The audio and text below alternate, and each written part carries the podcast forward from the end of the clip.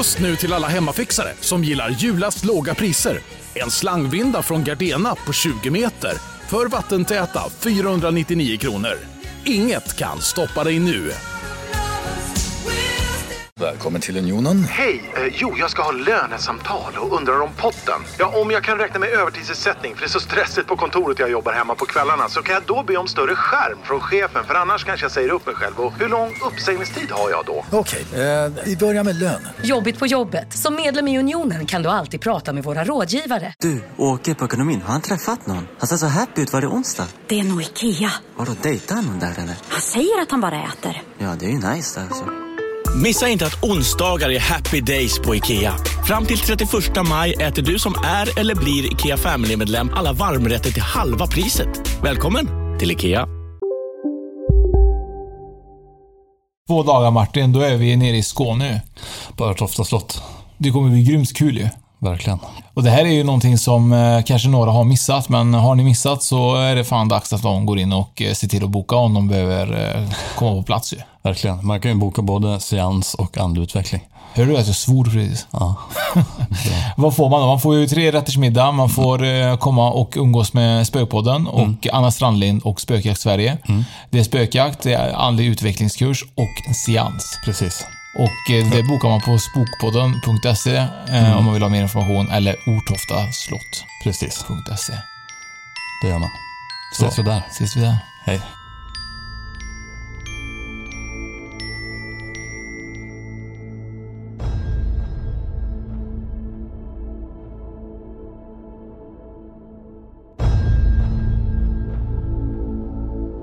Den här podden handlar om Marabou. Ja, Presentera oss av Ahlgrens bilar. Ahlgrens bilar ja.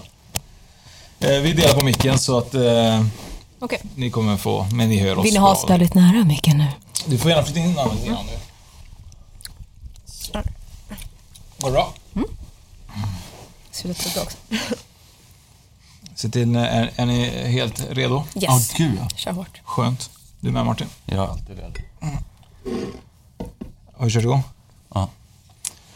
Martin, vi har tagit oss hela vägen till huvudstaden idag. Stockholm ja. Bara för att träffa två fantastiska människor som är med i en ny film ju. Mm. Och den filmen släpps ju på fredag. Den 23 tionde. Och det är, är det inte en fredag? Kanske en torsdag? Nej, det är en fredag. Så jävla dålig koll. Jag har dålig koll på livet. Eh, och eh, vi har ju tagit oss hela vägen hit för att just träffa Linus Wahlgren och eh, Dylan Gwynn. Yes. Och det är också första gången du säger namn, rätt namn på rätt gäst. Jag är tvungen att säga Ja, det. vet. Det är, fan, det är bra jobbat. Och eh, Hur det många som vi, poddar har vi tagit? 50 typ.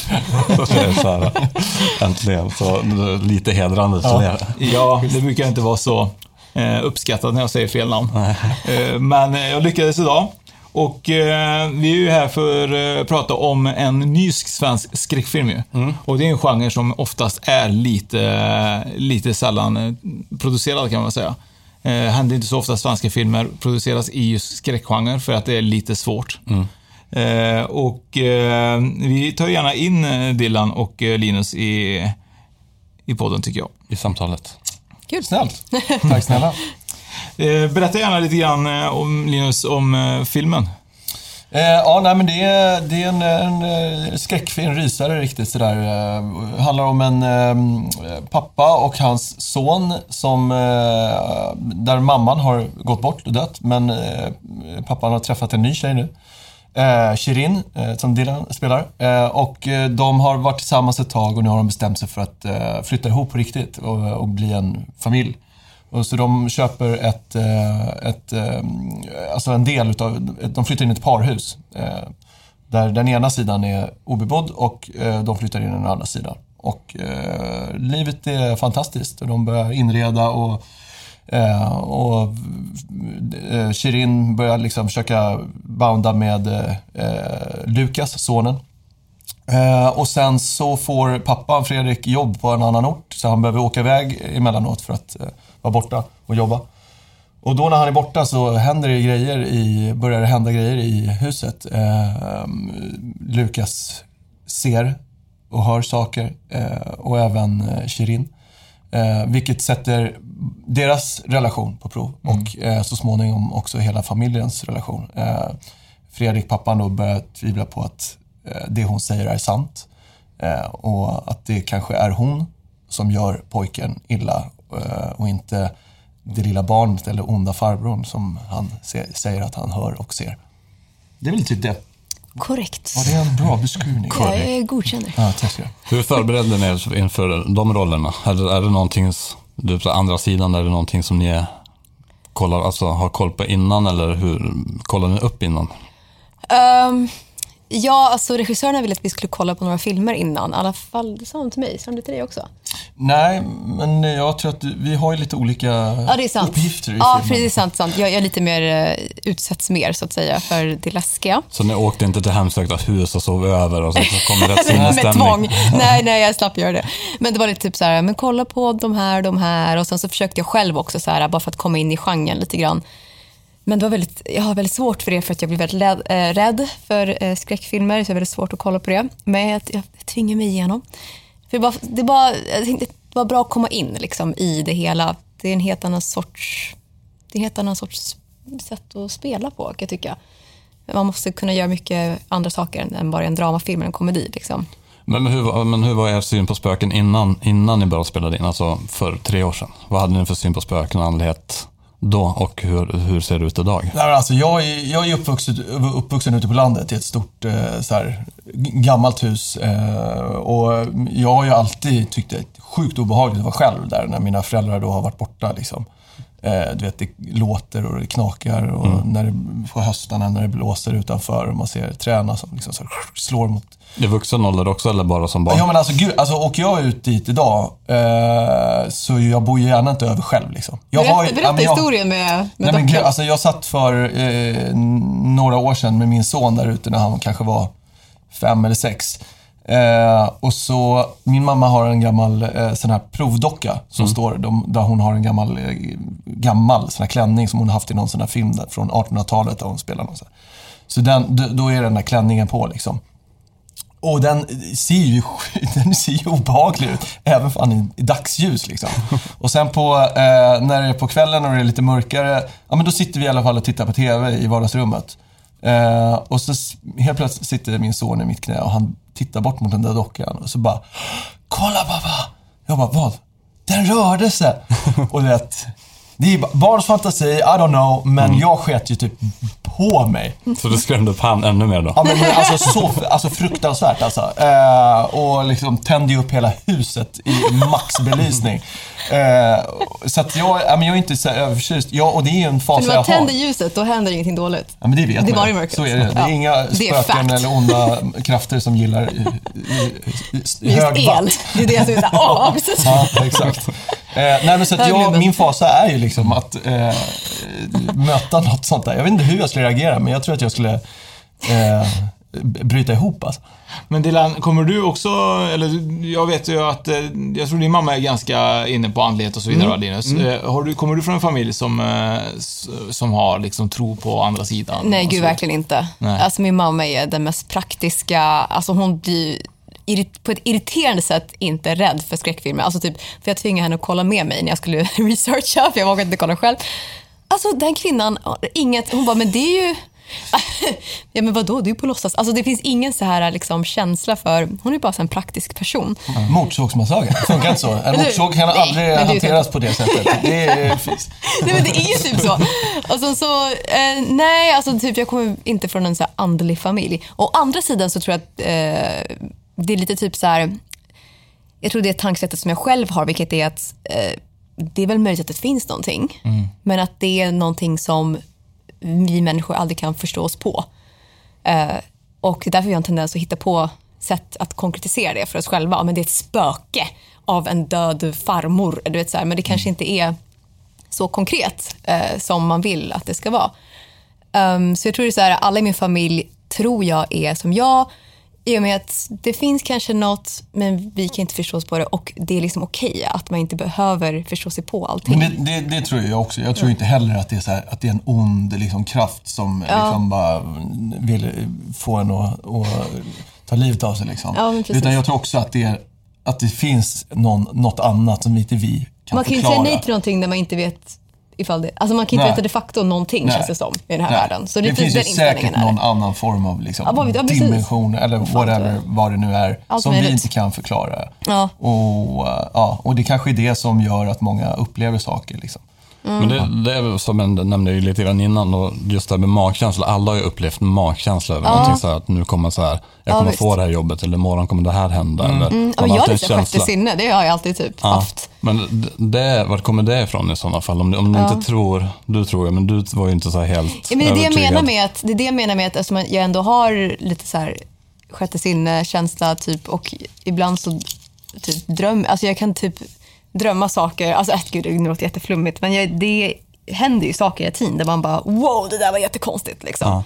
Ehm, men eh, det är det jag menar med att jag liksom inte är emot tanken på att det är möjligt och därför är jag öppen för allt. Men jag är inte typ så jag går så här, kollar på den här spökjägarna och tänker att ja, men det är ju verkligen så att nu känner Birgitta att den här onda kraften sitter vid hennes... Alltså, är så här. Men samtidigt så har ju hört så mycket historier och varit med om saker som gör att man kan ju inte säga absolut nej till det här. Jag Men vet vad, inte, vad, det är vad, lite så blandat. vad, vad har du varit med om? Eller vad, kommer du ihåg någonting Det är nu? typ liksom? så här, ehm, jag kan inte komma på något så här konkret, men typ så här att jag, eh, jag är med om saker och sen så, jag bara, och sen så händer det saker. Jag, lite så här, eh, fram, alltså, att saker kommer i uppfyllelse på något sätt. Typ så här lite sanddrömmar eller vad man ska säga. Eh, ja, lite så. Alltså, både, Förnimmelse, typ. ja, precis. Och både det och att jag faktiskt jag drömmer jättemycket och typ så att det händer, att, ja, att det typ händer, sen händer det typ. Ja, men jag drömde det här igår och sen så händer, liksom, händer det typ två dagar senare. Eller så här, det är jättekonstigt.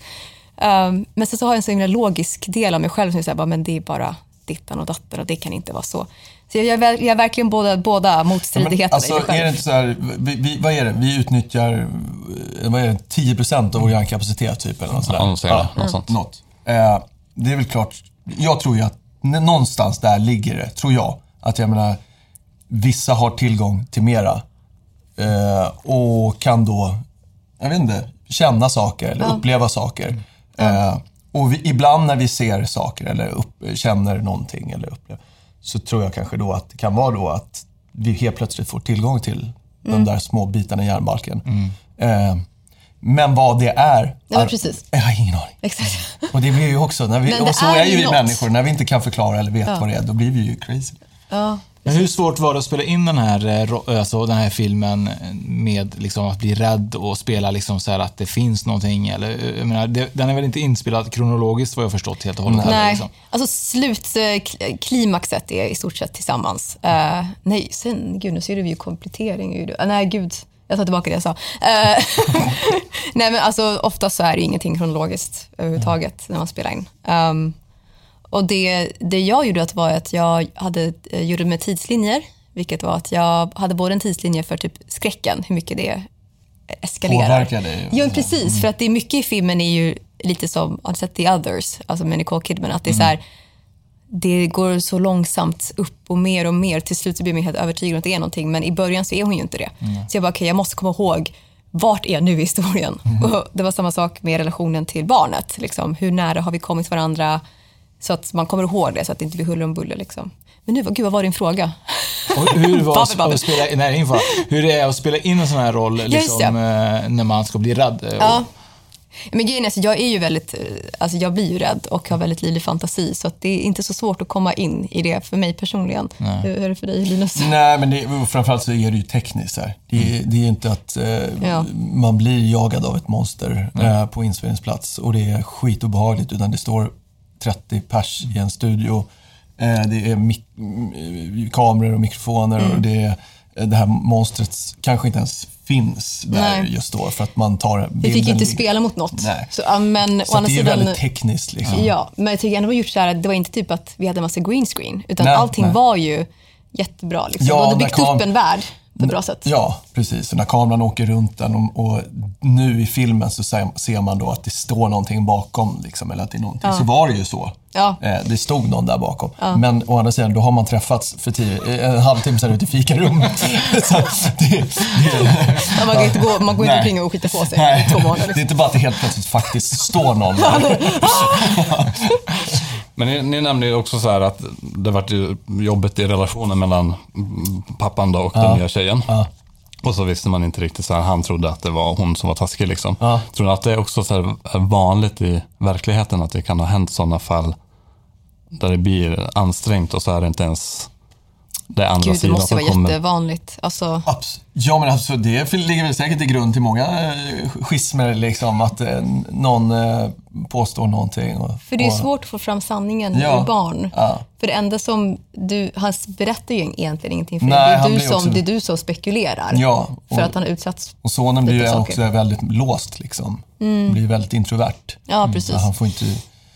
Men han ser ju... Han, Men gud, han sånt måste vara skitsvårt. Ja. Alltså i verkliga livet. Men det tror jag ändå liksom att det kan ha hänt liksom i verkligheten, just den, den, det upplägget. Just Ja, det, de facto det som händer i... Som påverkar Ja, men riktiga alltså- relationer. ja, men liksom. som påverkar liksom ja, ett barn. Och, och framförallt så kan det vara så att jag menar, många människor blir sjuk, alltså det, någon blir sjuk, liksom, alltså psykiskt sjuk Mm, eh, och säger sig liksom, ja men det här har hänt och jag, alltså, och mm, normalt, eller många tvivlar väl på med det och säger, ja men det här är en sjuk människa liksom. Men det finns ju fall där typ eh, ena föräldern får för sig att, att barnet har utsatts för någonting och Mm. att det leder till massa konflikt, skilsmässa, rättegång. Alltså det finns ju faktiska Nej, men sådana. Precis, och det var det jag tyckte också var väldigt bra med det här manuset, att det är inte det är inte långsökt. Alltså det, Nej. det är väl rätt trovärdigt att om, om jag flyttar ihop med en ny tjej Eh, och, min, och med, med min son eh, och jag är borta och så kommer jag hem och så har sonen liksom rivmärken på sig och, är väldigt in, och liksom inte vill säga. Och, eh, och jag märker att det är en dålig stämning mellan den nya. Alltså det är en situation... Dålig Lite tryckt stämning. Lite Det är, är klart som fan att jag också tar min sons parti och Ja. liksom tror Mm. att, vad fan, vad har, du, vad har du gjort med min son? Liksom? Vad håller du på med? Och hon säger så här, nej men det är inte om man jag. inte gör det, är det, huvudet. det, är en, det, är- det är någonting här i huset som liksom, En demon, ja. ja. Eh, jag tror att de flesta nog skulle säga, du är ju sjuk i huvudet för fan. Sen Stick- finns säkert motsatsen också. Mm. Alltså att eh, det finns varningstecken som ena föräldern inte ser. Så att säga. Mm, Alltså nu snackar jag typ om alltså, mer jobbiga situationer Mm, så att säga. Så det finns ju kanske både och att, eh, att man inte heller plockar upp. Men det är nog väldigt svårt, eh, för jag menar, vi har ju fått folk som skriver till oss som har just hamnat i en sån här situation. Eh, Där de har barn som kanske har sett saker Mm. och pappan tror något annat och mamman säger att det är något annat. Och, Mm. eh, Så är det ganska vanligt, att, eh, eller vanligare än vad man tror, att det kan uppstå såna här beroende på vad man har för tro till saker. Ja, Ja, oh ja, oh ja. Lite så. Men lite vad man, vad man väljer att se i en situation. Ja, typ, precis. du såg att dockan eh, rörde sig. Säga. Ja, han gjorde det. Det kanske inte någon annan Jag skulle såg det inte. Jag, det räckte med att han sa att han såg det. Ja. Men eh, jag tänker lite grann så här, eh, ni har ju säkert eh, spelat andra roller tidigare ju. Eh, har det här varit den största utmaningen att spela just en sån här skräckfilm eller har det varit eh, minst lika lätt som att spela in alla andra filmer? För, ja, alltså min, ja, det, är, det är eh, som sagt en gång, Dylan är ju den som har verkligen fått kry, krypa omkring och liksom reagera på grejer. Ja. Eh, Fick en och annat blåmärke och, eh, och sår. Eh, fick man. Eh, nej, men det var... Nej, alltså... Jag skulle säga att den är uppe i liksom en topp 10. Eh, nej, gud, topp 10 känns som att jag gjort jättemycket saker nu. Men eh, topp 5 saker. jag, jag har gjort värre. Som jag, alltså haft, jag gjorde till exempel en krigsfilm som handlar liksom folkmord och våldtäkt och eh, ja, det, den var fruktansvärd att spela in. Alltså när jag slutade på den inspelningen så kände jag att jag måste typ ligga stilla i en säng i en månad för att komma igen mig till verkliga livet. Den var jättejobbig både psykiskt och fysiskt.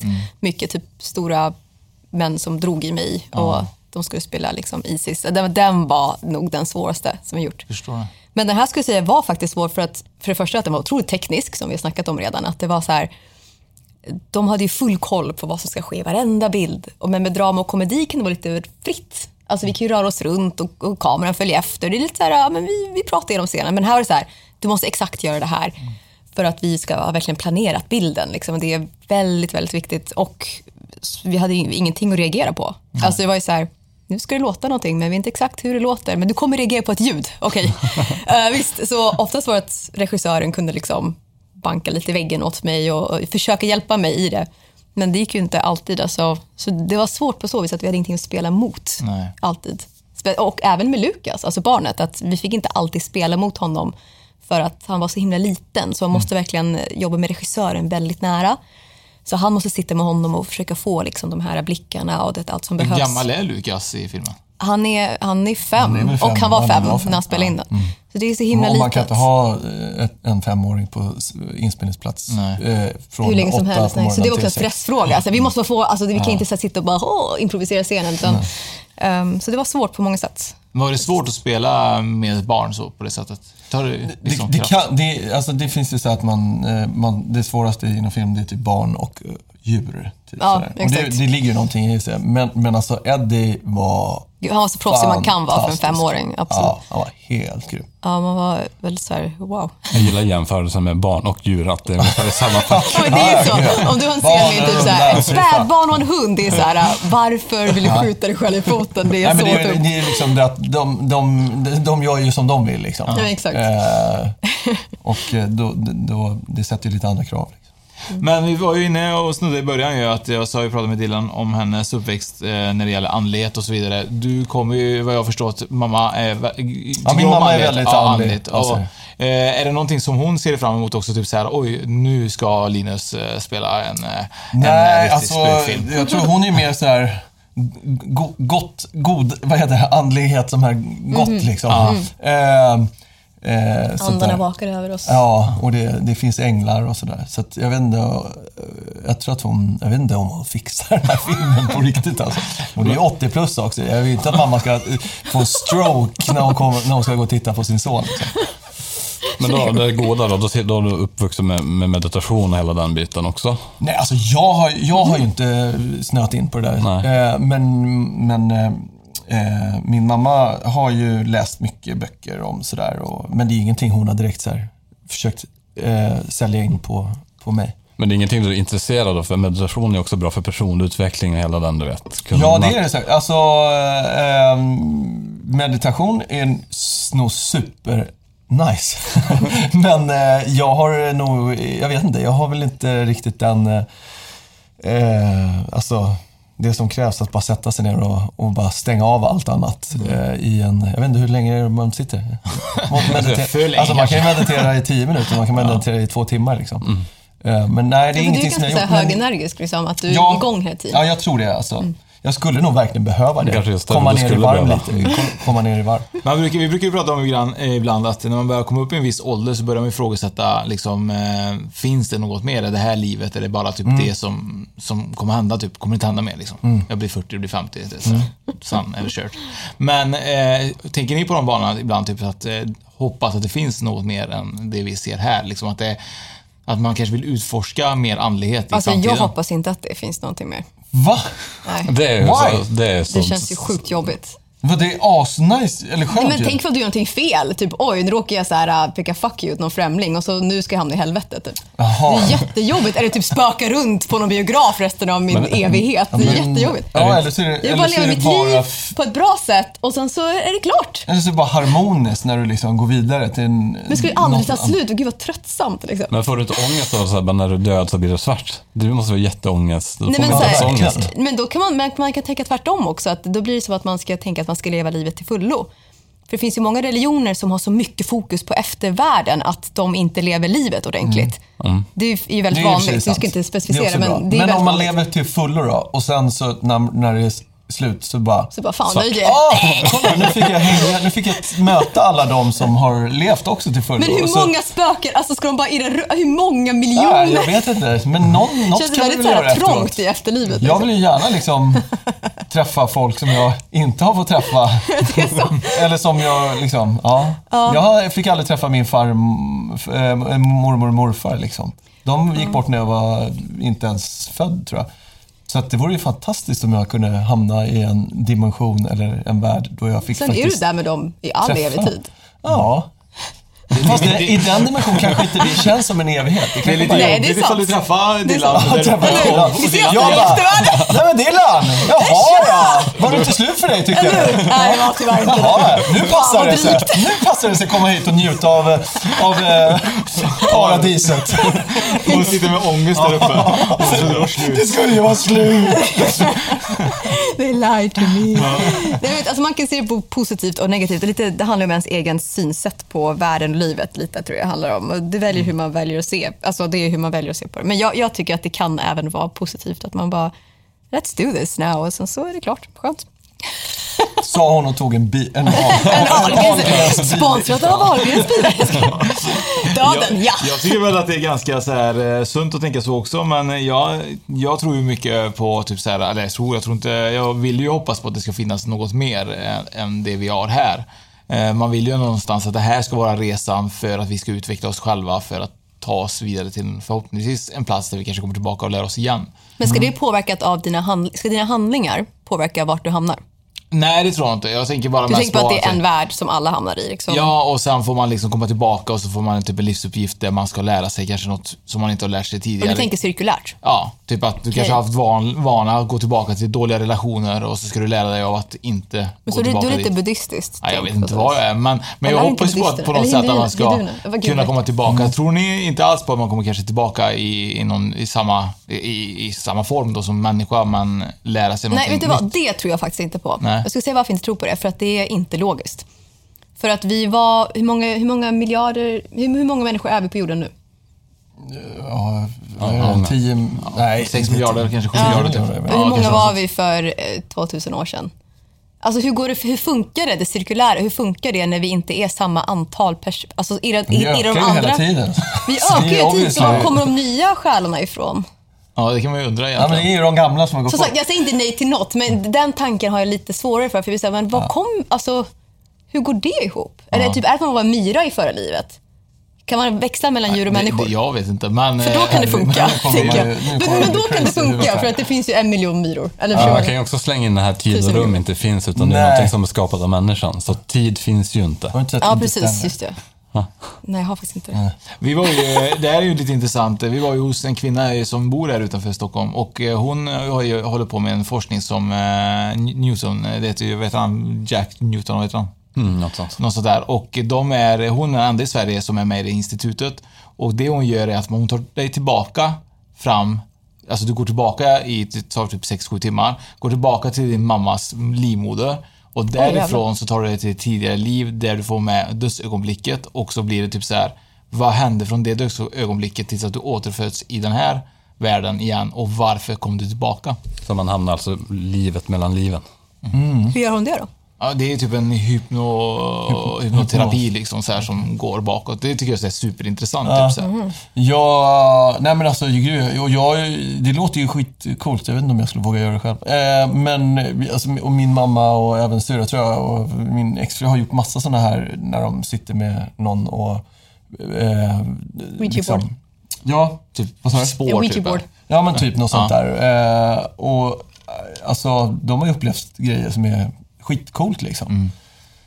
Men, eh, men som, än en gång, alltså det är svårt att säga någonting som man inte kan bevisa utan det är bara så här ett antagande och en, en, en känsla liksom. Men jag, absolut, Jag, jag, tror inte våra hjärnor kan förstå. Det, nej, Alltså, vi är inte gjorda för att kunna förstå. nej, det är likadant som man börjar prata om, eh, om rymden liksom och oändligheten. Alltså, då blir jag ju... Man bara, bara Då, blir, då sprängs min hjärna. Det är så här Ja, kortslutning. då får man också ångest och bara så rusar i Ja. huvudet på något sätt. Hej, Synoptik här. Visste du att solens UV-strålar kan vara skadliga och åldra dina ögon i förtid? Kom in till oss så hjälper vi dig att hitta rätt solglasögon som skyddar dina ögon. Välkommen till Synoptik. Upptäck hyllade XPeng G9 och P7 hos Bilia. Våra produktspecialister hjälper dig att hitta rätt modell för just dig. Boka din provkörning på bilia.se xpeng redan idag. Välkommen till Bilia, din specialist på XPeng. Nej. Dåliga vibrationer är att gå utan byxor till jobbet. Bra vibrationer är när du inser att mobilen är i bröstfickan. Alla abonnemang för 20 kronor i månaden i fyra månader. Vimla! Mobiloperatören med bra vibrationer. Okej, Asläskigt. men eh, om man åker rakt ut ur rymden, vad kommer man då? Är de här Så? videorna när- när man zoomar ut, du vet. Mm. Så bara zoomar ut, zoomar ut, så bara, här är jorden och här är ju Vintergatan. Och man bara, men, Ja, men sen då? men där, återigen, där kan jag också tycka att det är lite så här skönt. Det, andra människor får ju ångest av det. Ja, men ja. jag bara, men vad skönt, då är vi bara lite obetydliga här. Och Ja, jag det inte stor extremt roll. obetydlig. Ja, behöver inte gå omkring och ha mycket ångest. Liksom. Det, det här är vi. Ha det kul. Mm. Jag vet inte. Det har ju varit superkul att få prata med Linus och Dylan. Mm, eh, vi ska säkert prata hur länge som helst och äta Ahlgrens-bilar och Marabou. Alltså gud, jag mamsar på. Så att eh, det som är kul ju är att vi kommer ju också få se filmen. Ja, vad roligt. Så att eh, vi hoppas ju att de har skött sig.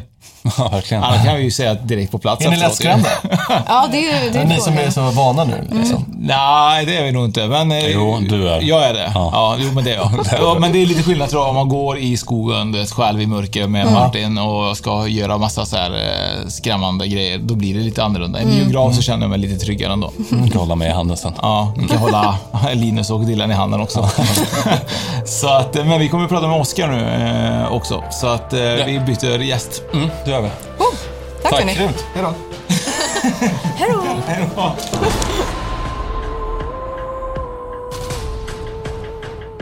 Lite... Nej, men det är väl inte så långt från min. Eller? Jag Vad är det från då? Falköping. Det är från Falköping. Ja. Nej, det är ju inte, det är inte samma, men...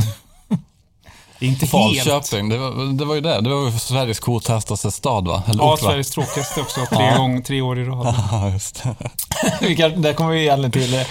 Martin, vi har ju tagit in um, Oskar Melander som... ehm, Som berättar om sitt ursprung som han var väldigt nöjd över nu. ja, han är ju regissören bakom filmen och han berättar att han är från Falköping. Ja. Och du har ju, om inte annat, en så bra koll på så dålig fakta. Ja, att det är Sveriges cooltätaste stad. Ja, Och kommun, det är inte en stad, har jag fått reda på nu. Kommun.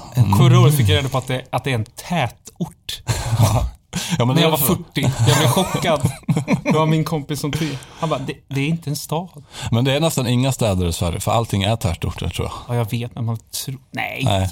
Jo, det är ju bara typ Stockholm, Göteborg och Malmö som är städer och sen resten är tät, tätorter, tror jag. Är det så? Nej, Jag tror det. Jönköping Ja, vi kommer få jättemycket kommentarer om det här. Jag Vi vet får- inte. vi får slåss Ni om som det. vet får gärna skriva. Vi som, vi som vet.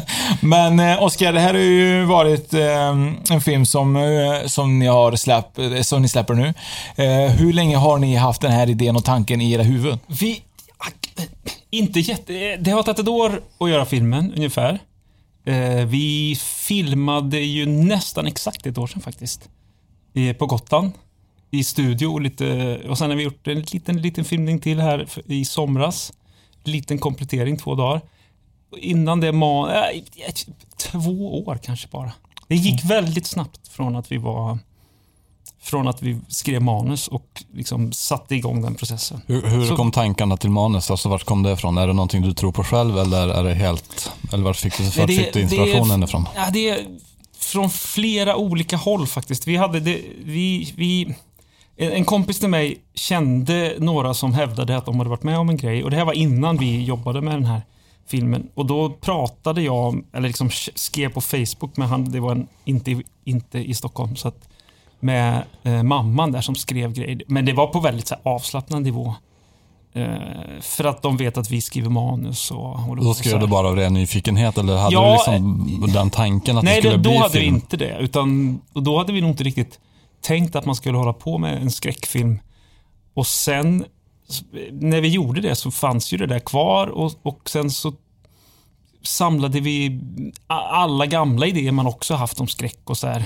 Det är inte att vi har gått i tio år och tänkt att vi ska göra en skräckfilm. Jag har alltid tänkt på, jag gillar skräck. Men eh,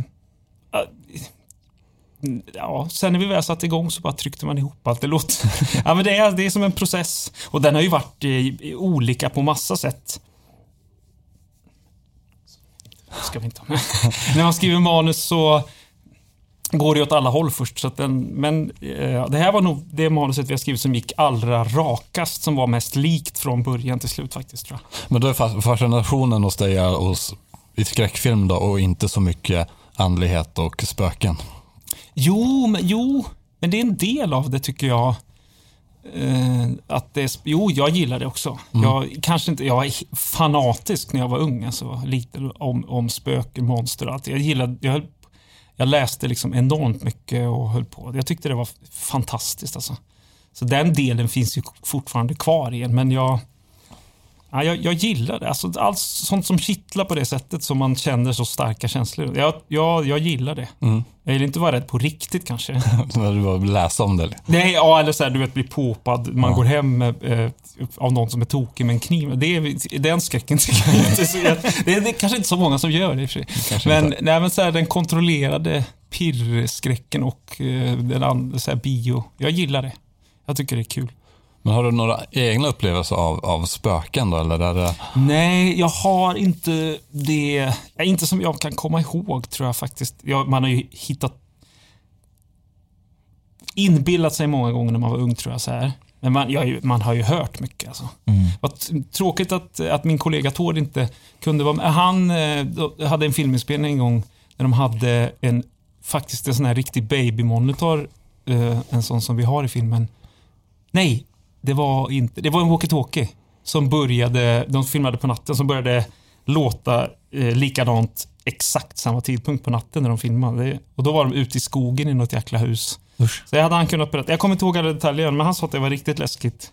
Vi pratade lite grann eh, förut med Linus och Dylan Mm. om, ah, om magkänsla och så, som Martin ställde en fråga.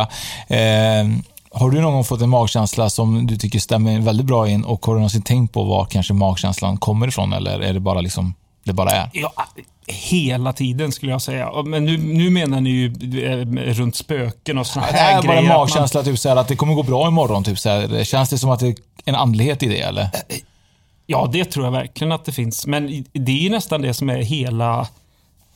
Det som man, jag tycker man gör som regissör. Att man bara öppnar sig. Jag brukar ta några djupa andetag innan vi börjar varje gång. Nu drar jag det här mot vad man jobbar med. Men det är, och sen bara reagerar på det man ser. Mm. Och det är så... Och det vet jag att både jag och Tord, att det är så man jobbar. Att man säger, om jag inte känner det så finns det inte. Typ. För det är ju det man ändå ska förmedla. Sen är det ju mycket, mycket mer runt, men det är grunden som är så viktig. Eh, på något sätt. Men i vardagslivet, ja, mag, ja, det tror jag. Magkänsla hela tiden, såklart. Och det är väl det som är också, det, jag tycker typ att erfarenhet är samma sak som magkänsla kanske. Hur svårt att göra och regissera en sån här film eh, om man eh, har liksom, känns som att kanske har en lång bit på tro på just det här andra sidan andlighet. Är det svårare då att regissera filmen eh, än om man har, kanske har varit med om någonting tror du? Nej, det, nej jag, det tror jag inte faktiskt. Nej. För jag tror att det är så mycket gestalt... Alltså, nej, det är ju konstigt att göra en skräckfilm. Alltså. För I 99% av tiden när man gör den så är inte någon där. Det är ju ingenting där. Nej. Hon går ju liksom och vi pratar till och med. Om man tittar på tagningen så hör man ju vår- min eller Tords röst liksom som pratar. Som försvinner sen. Så att det, men jag tycker man måste ju alltid ha en andlighet i det man gör ändå. Alltså en grund i det, att det måste finnas en botten. Liksom. Sen behöver inte den vara extremt djup eller så. Om man inte tycker det är kul. Men det måste finnas en bas i det. Liksom. För att jag tycker att det ger mer. Så det, nu bara svamlar jag. Men, men, eh, Nej, det är jättebra. Men jag tänker lite grann så här, eh, att eh, när ni har gjort nu filmen, det har tagit två år för dig att göra filmen, för er att göra filmen. Mm, manusprocessen är lite lugnare faktiskt, Ja. måste jag säga. Men sen är det intensivt. Är det vanlig tid? Brukar det ta så lång tid innan film och allting är klar? Eller är det längre tid för vissa filmer? Ja, det skulle jag säga att det kan vara. Sen har ju vi kanske eh, lite lägre budget så att vi har gjort mer jobb, alltså mer timmar istället för kronor. Kanske. Men, eh, men, men, och manusprocessen skulle jag säga var kort, alltså några månader. Det kan vara flera år. Och tills man får den gjord kan ju vara, det kan vara tio år om man har otur. Eh, Det är olika hela tiden alltså, skulle jag säga. Men jag har jobbat med så här stora projekt flera gånger förut. Ja. Där processen har varit ännu längre, tre år på julkalender. Ja. Så det, det tar sin tid. Du Alltså. är ju ganska känd för, eh, för dina julkalender. Eh, Det är väl en jättekul grej att få göra. Det är ju någonting som typ alla Sveriges Ja, och jag har gjort två. Ja. Så det- Eh, ja, det, men det är väldigt kul för att också att de blir så väl mottagna. Att de gill, jag, gjorde ju, jag tänkte jag ska bara göra något som jag hade gillat när jag var liten. Det var det enda jag tänkte på. Ja. Inte något annat. Så här. Och att det måste vara inte vara något kass budskap till någon. Eller liksom, det behöver inte vara det bästa i hela världen, men det ska inte vara något så här sopigt med det. bara. Ja, men typ, det är så jävla enkelt. Det låter ju typ helt konstigt, men så, så enkelt var det. Jag tänkte säga barnen i Härnösand, men det är det ju inte. Det är, vad heter det? Vad heter de? Falköping. Jaha, Frostmofil, eller vad? Nej. Dina julkalendrar. Jaha, det barna, barna, jaha, barna Hedenäs. Ja, det var ju det. nästan, ja nu fattar jag. jag bara, ja, ja, ja. Ja, precis. Ja, ja det var ju... Ja. Och jakten på tidskristallen om jag minns rätt. Ja, den var, ja, titeln var så, den satte vi sent. Titeln. det tror man inte när. Det är, fan, den hette något annat. Den har hetat flera olika saker. Så. Ja, det är den var ju också bra. Det var ju också att jag fick göra något annorlunda. Men när du skriver manus, vart hittar du din inspiration ifrån? Och vart, vart kommer liksom allt? Vart får du upp, vart får du allting ifrån?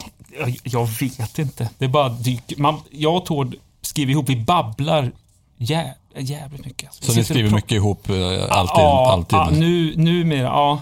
Eh, Ja, vi skriver allt tillsammans.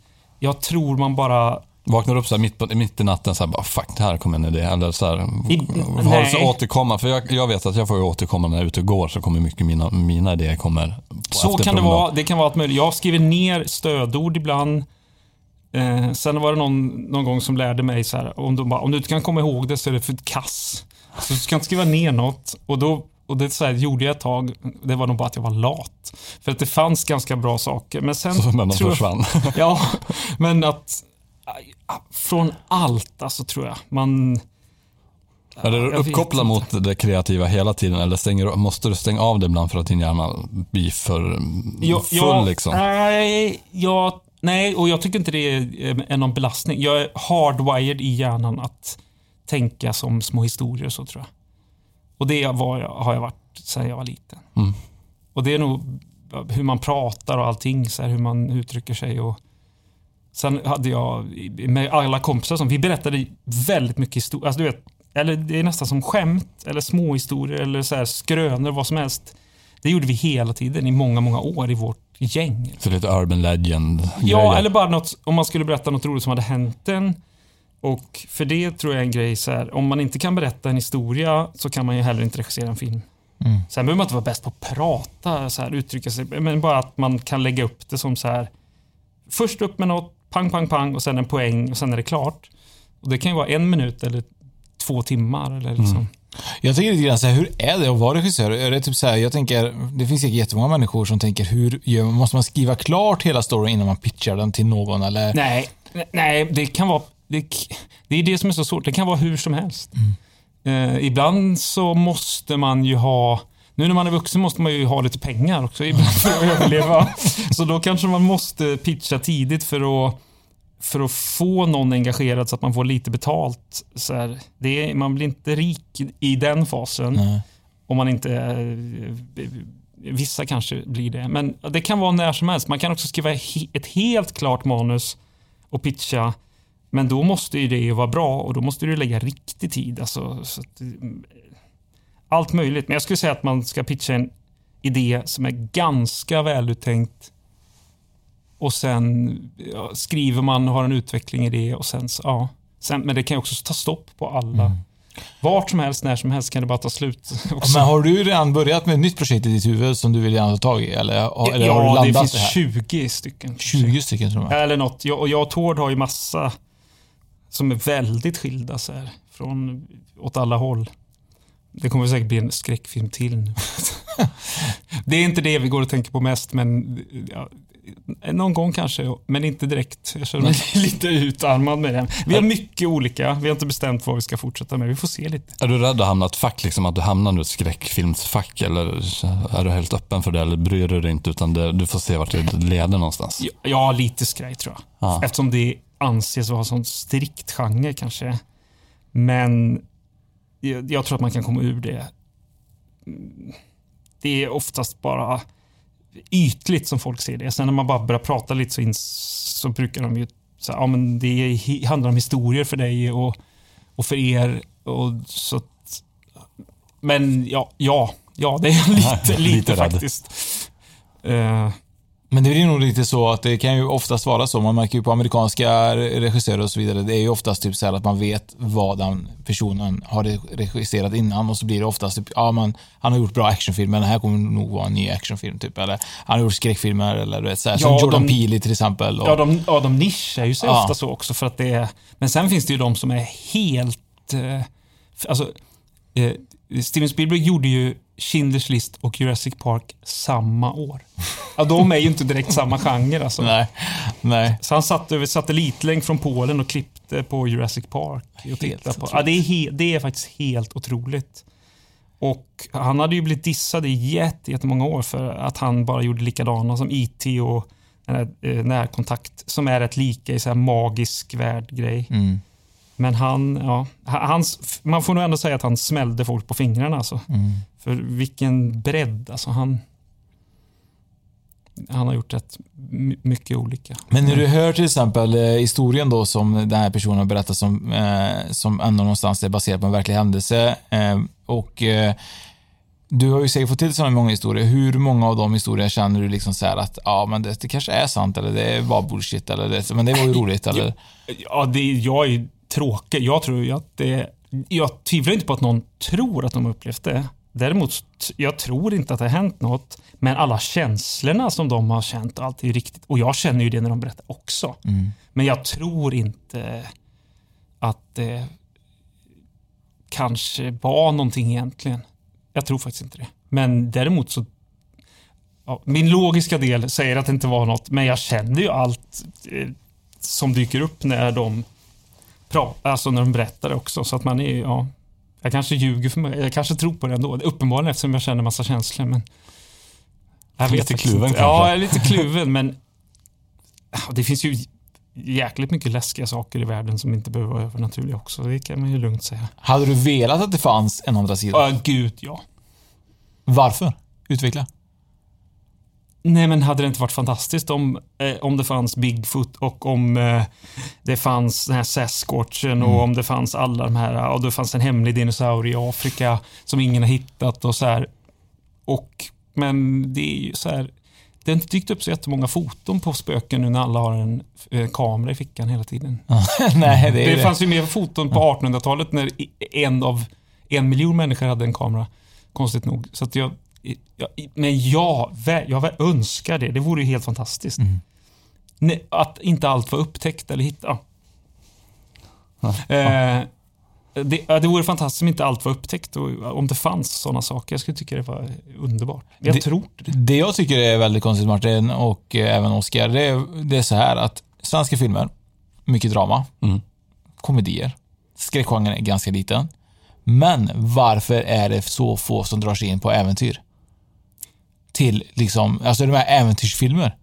Ja, vi... Är inte tekniken där än för Sverige? Eller vad är grejen? Nej, det är den inte. Men vi ska dit, jag lovar. jag har två. Jag har ju tränat på Tidskristallen. Ja. Eh, men det var ju på en helt annan nivå. Ja, men jag, det, jag, jag tror att vi har en tradition att vi inte gör det. Och att man underskattar genre. Alltså. Att det, man tror att det är enkelt. Det är ju enormt svårt. Mm jag, jag, vet faktiskt inte. Jag, jag, önskar också att det fanns mer. Och det måste ju vara bra. Alltså. Mm. Man får inte und alltså är, Man måste titta och inspireras, inte sno eller så här, av det bästa. Mm. För jag menar, så här, Arn och sånt, det är ändå det är ju historier som är fantastiska. Ridley Scott erbjuder sig att göra Arn, visste ni? Mm, nej, jag hade ingen aning. Jan Guillou hade inte hört talas om han tackade nej. Asså. Men det är bra, jag, tänker, bra.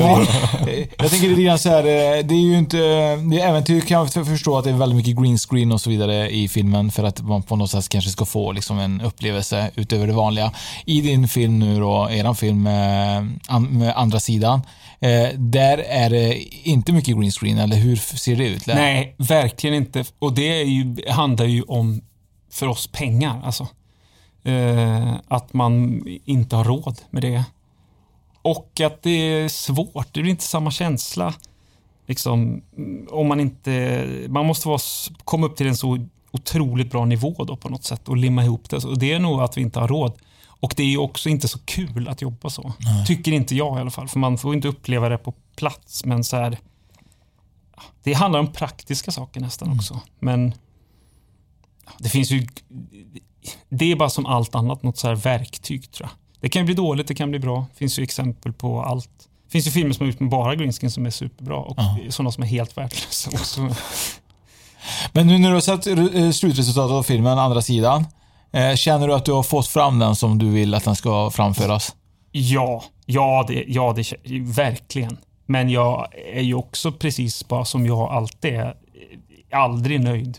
Det är ju bara en sak som, det är bara sån jag är. Mm. Men det är ju en känsla, ja, över förväntan och att av alla som är så duktiga och allt vårt slit liksom så har det blivit det vi ville. Alltså, och, och mer tror jag. faktiskt. Men det har varit svårt. Jag har hört av många av våra lyssnare som förmodligen kommer skriva efteråt att eh, de önskar väl att eh, Linus och Dylan hade egentligen bytts ut mot Martin och Oscar. Eh, Mm, vad jag tror du? Ja, men det har jag, också, jag har också hört lite Ja. om det faktiskt. Vem skulle, skulle man ändrat i historien eller skulle någon liksom varit så här utklädd till kvinna? Nej, och men vem? kär, kärlekspar som Ja, ja, kärlekspar, men det det ingen roll. ja, som har adopterat ett, en kille. Ja, kanske. Ja, ja, ja. Så ja varför vara. inte? Ja, det, Som upplägg för det kanske kan vara film. tvåan. Kanske. Exakt så. Precis. Att två stycken, ja, de flyttar, det kanske inte behöver vara ett barn med. Nej, nej, det räcker att vi bara umgås. Ja, och så filmar man av det bara och Ja. klipper ihop det. Nej, men jag håller med. Jag, jag, det har jag också känt. Det, jag har också hört det från många, många olika håll faktiskt. Från många håll också. Mm. Det är Från fantastiskt. många olika håll.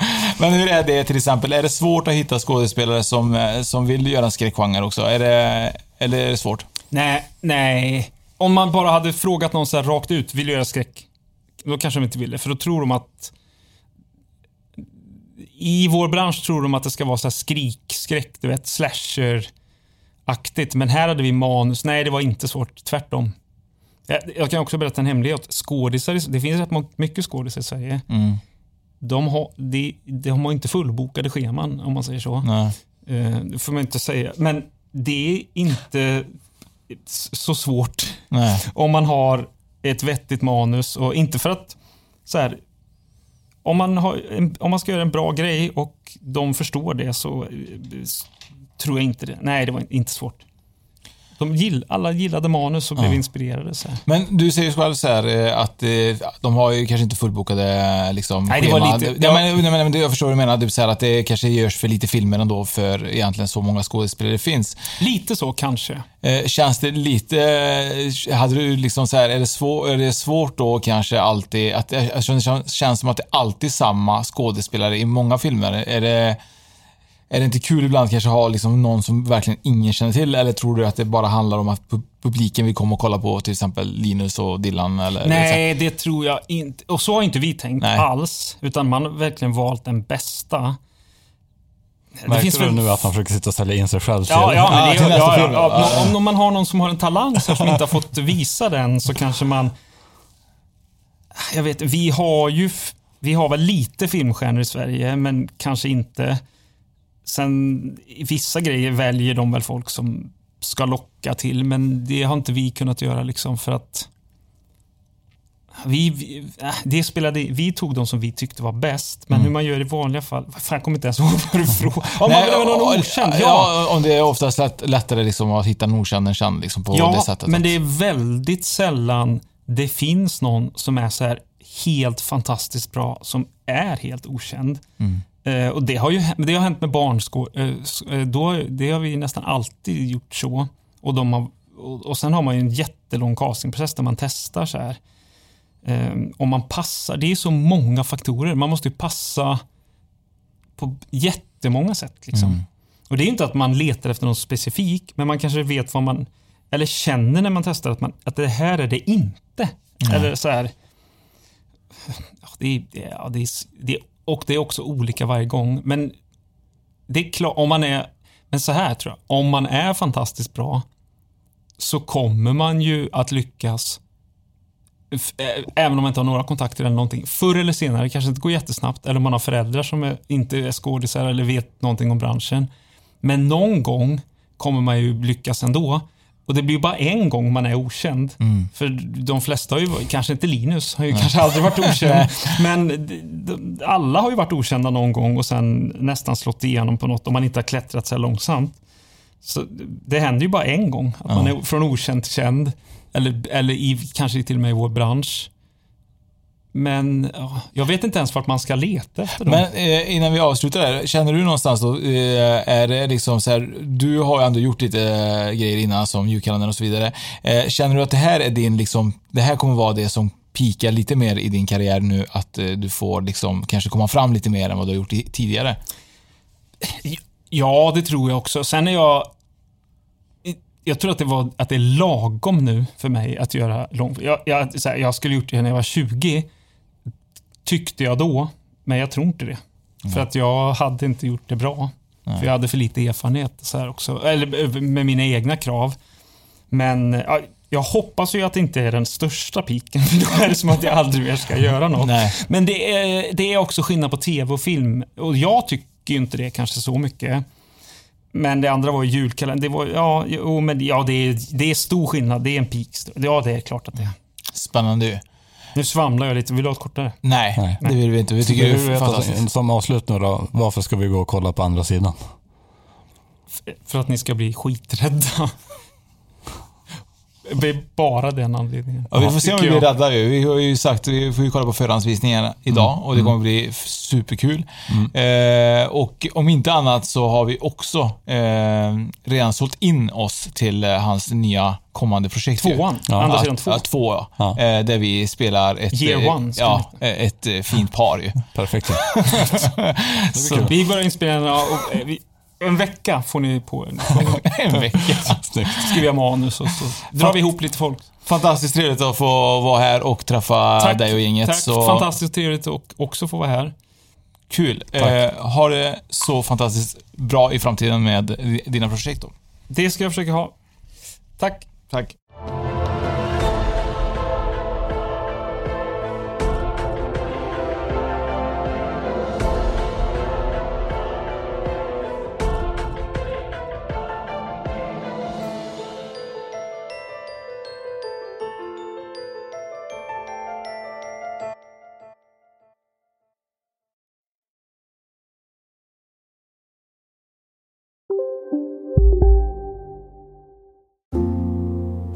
Ska några små tassar flytta in hos dig? Hos Trygg Hansa får din valp eller kattunge 25% rabatt på försäkringen första året. Läs mer och teckna djurförsäkringen på trygghansa.se. Trygg Hansa, trygghet för livet. Dagens vinnarprognos från Postkodlotteriet. Postnummer 65209, klart till halvklart och chans till vinst. 41101, avtagande dimma med vinstmöjlighet i sikte. Övriga 10 500 postnummer, soligt och möjlighet att vinna. Oavsett när sommaren kommer till dig så kan du och dina grannar få dela på 48 miljoner i sommaryran. Ta chansen nu i maj på Postkodlotteriet.se. Åldersgräns 18 år. Kontakta stödlinjen om du eller någon anhörig spelar för mycket. Ja, Hallå? Pizzeria Grandiosa?